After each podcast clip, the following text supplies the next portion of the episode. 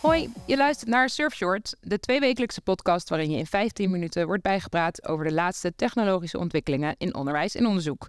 Mijn naam is Sanne Koenen, met in deze aflevering wat je moet weten over generatieve AI met Damian Podariano, teamlead High Performance Machine Learning bij Surf. We will continue this podcast in English. Good to have you here, Damian. Well, the first question. With the release of ChatGPT, the general public got introduced out of the blue somewhat to a form of generative AI. Did you saw that coming? Well, sort of. It's an older technology. The transformers ar- architecture that is the base for uh, ChatGPT has been introduced since 2017 by Google. It was surprising to see that this technology was the one that actually enabled this step uh, in ev- evolution of the field. But uh, yeah. Okay, cool. We're going to talk a bit uh, more about that. What is it? Okay, so generative AI uh, refers to the ability for an AI algorithm to generate data. It's that simple. It's based on an older technology um, that was published in 2017 called Transformers. Uh, this class of algorithms is also known as foundation models. Um, and and we can use that for all sorts of uh, different tasks, starting from uh, uh, different uh, types of data. So you have, for example, text, or you have images, or sounds, or and so on. We can generate more of the same. But uh, I think the very interesting feature of uh, current um, algorithms is that they can work with multiple modalities at the same time. So I think that that's the most interesting frontier that is here now and we will uh, also um, uh, experience more of that in the future. ChatGPT, I think, is a very understandable uh, form of generative AI. You can just ask it a question and something comes back. What will happen next if you like really put this technology um, in all layers of organizations within research and education? It's a very good question. Um, I think there is no one answer to this. No, I, yeah, I can imagine. and I, I will speculate a little bit about the future. Um, so I think, particularly in the Education Act, the current main use is an assistant, a personalized assistant. Personal assistant for each student is something unprecedented. In some way, maybe that's an infringement of what the teachers uh, do. I think it's actually complementary. One thing that uh, ChatGPT and, uh, by extension, uh, transformers in general do is be very sure about what they're saying, even if what they're saying is uh, is incorrect. So um, I think it's complementary to what teachers are doing, but it could uh, actually add a level of information, and I think it will uh, certainly change the way we search for information, because one step that we currently do when we look for something is to integrate many sources. And after that integration, we might actually revisit some of them or um, uh, go deeper into some of the topics. But if we already get this summary, uh, then we are kind of uh, uh, skipping a step. So I think that, that although it sounds small, uh, it's a big change. And with all these different algorithms uh, creating content these days, I think the internet itself will look very differently five years from now. In the our AI space, we are already seeing the emergence of this pre 2022 term, data that was pre 2022 and after, because we know that after there is gonna there is a lot of generated content. Well, before there was only human or um, deterministic content, so content that is always the same. So if you put one and one, you get a two. Well, Mm. with ChatGPT, one plus one could be two. Most of the times would be two, but not necessarily. So that would that's going to be a big differentiator from from today. That's uh, I think that's the biggest impact. I think it's actually interesting to go a little bit for on the concept of pre 2022 and after the information that comes back from ChatGPT, for example. It always sounds true and it looks true. It's always super confident, but we have already seen that there also can be false information, as you stated before. If you use it for database that it's like uh, picking stuff from to generate something new, if that's not correct anymore, will you ever know what is true or not? It's a very good question, and it's uh, also kind of a philosophical question. I might actually, uh, yeah, well, if I, I might actually answer with a question. So, how do you know now what's true? Right? It's uh, the same thing, and I think there is also some. Uh, there are also some philosophical references that show that no no truth uh, is original. Like uh, something becomes uh, true if it's uh, diluted and repeated a couple of times. So, in that sense, I don't think it's very different from how we consider today something to be truthful. Um, on the other hand, um, we are, especially for for um, uh, algorithms, we are trying to develop methods, and there are some methods that try to identify um, AI-generated content versus uh, human-generated content. Um, they're not very good right now. Uh, there are plenty of efforts, though, so I, I expect that this will improve. So we might even have tools that tell us uh, this is generated or not.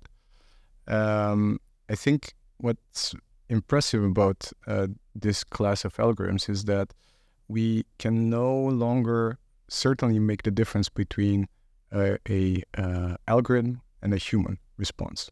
So the original uh, intelligence definition from Turing is at least partially satisfied by this class of algorithms. So that makes it actually an intelligent, uh, um, uh, an intelligent algorithm, an intelligent uh, agent. So then, yeah, it's it's actually going to be very difficult to, and that's why, and that's why, in broad terms, uh, as I said, the AI researchers make this difference because after 2022, it's you potentially could identify the generated content, but not necessarily. So there, we don't have guarantees in that direction anymore. Okay. And you can kind of tell a little bit. So as a human, you can still kind of tell a little bit if something is is a, a AI generated or especially ChatGPT, which is very popular. So a lot of people have started to kind of uh, demystify uh, how this works, and you can see some repetitions. You can see certain formal constructions that are not so common in our normal language. But I expect that that too will improve for uh, uh, uh AI generated uh, content it, and it will it will make it less discernible from uh, human uh, content. So we can't rely on that. Okay. Okay. Well, let's see how that goes in the future. There's a lot going on now in the development of new technologies. Uh, why is this an important one to follow for our community? Because it is an advancement in modeling intelligence. It is more advanced than our previous generations of uh, AI, if you want to call it that. I, I, think that maybe it's even improper to call uh, previous agents as being proper AI. Maybe it's too much to even call this class to be proper AI. I mean, I, I know some would disagree with me, but I think that that aspect of being able to model intelligence in an advanced way is very important. And as I said, we and I personally don't know exactly how this will look in the future, where this can be applied, but it is provably able to reason and to comprehend concepts and uh, reproduce them in a reasonable fashion. So that has a lot of implications actually on everything that we do. I think in general that machine learning has changed science. What is nice is that we are seeing more or less AI change a little bit uh, our society right now. So um, I think in that sense, uh, our members, uh, both uh, research and education, uh, educational members, should think about uh, their current processes and what automations they always wanted or dreamt about, because perhaps those just became uh, possible.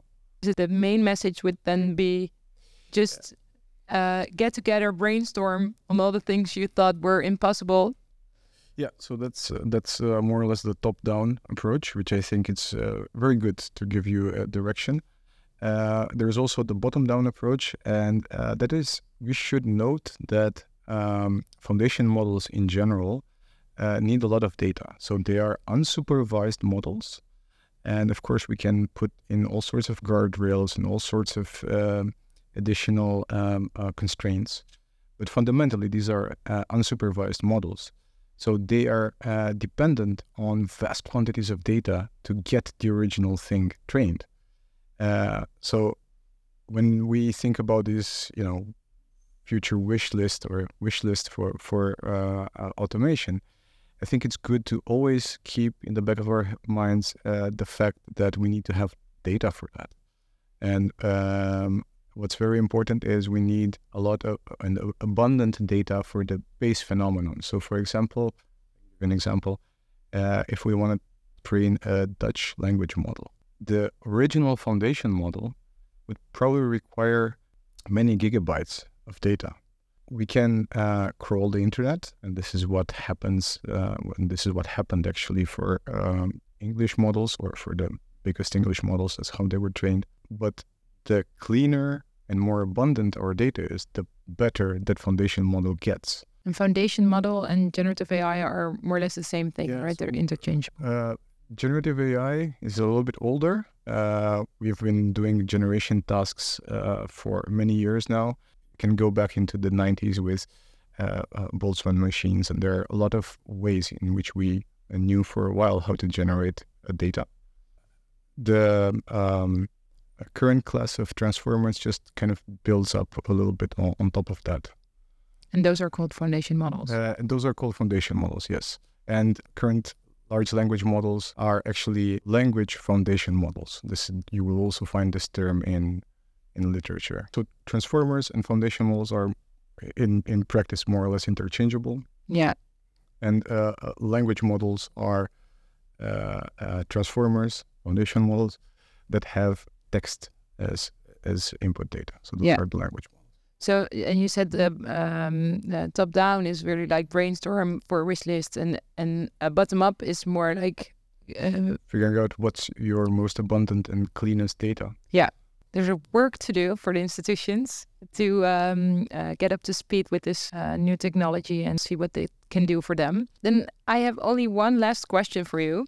What is the best article or the best podcast or the best video that you watched, listened, or read lately on a topic that you really liked? I think we're getting it uh, to a more mature phase of this technology where uh, deployment and efficient deployment become more and more important.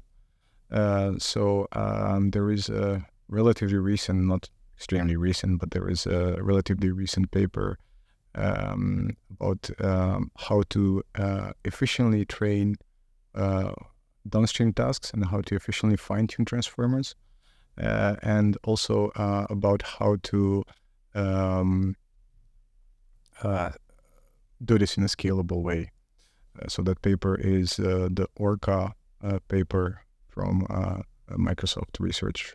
It's not, you know, it's not the latest thing. It's a little bit last month type of news, and in this field, it sounds a little bit. Um, uh, sometimes it's, it's, unreal, and it's very difficult to keep up with with uh, developments. So we had uh, ChatGPT appearing in November, and by now I think there have been at least seven or eight major papers that were considered game changing. On top of that, and it's only uh, it's less than a year ago, so it's a very fast paced field. Okay, but this one is a good one to. Uh... Orca is a good. Uh, Orca is a good. Uh, it's a good paper. Yes. Okay. Very... All right, we'll put the link in the show notes. Well, thank you very much. Wil je meer weten over generatieve AI? Kijk op Surf.nl of volg de tip van Damian. Je vindt de link in de show notes. Dit is een productie van SURF, de samenwerkingsorganisatie op het gebied van digitalisering in onderwijs en onderzoek in Nederland. Deze podcast werd gemaakt door Marieke van Dijk, Jan Michielsen, Philip Stijn en Sanne Koenen.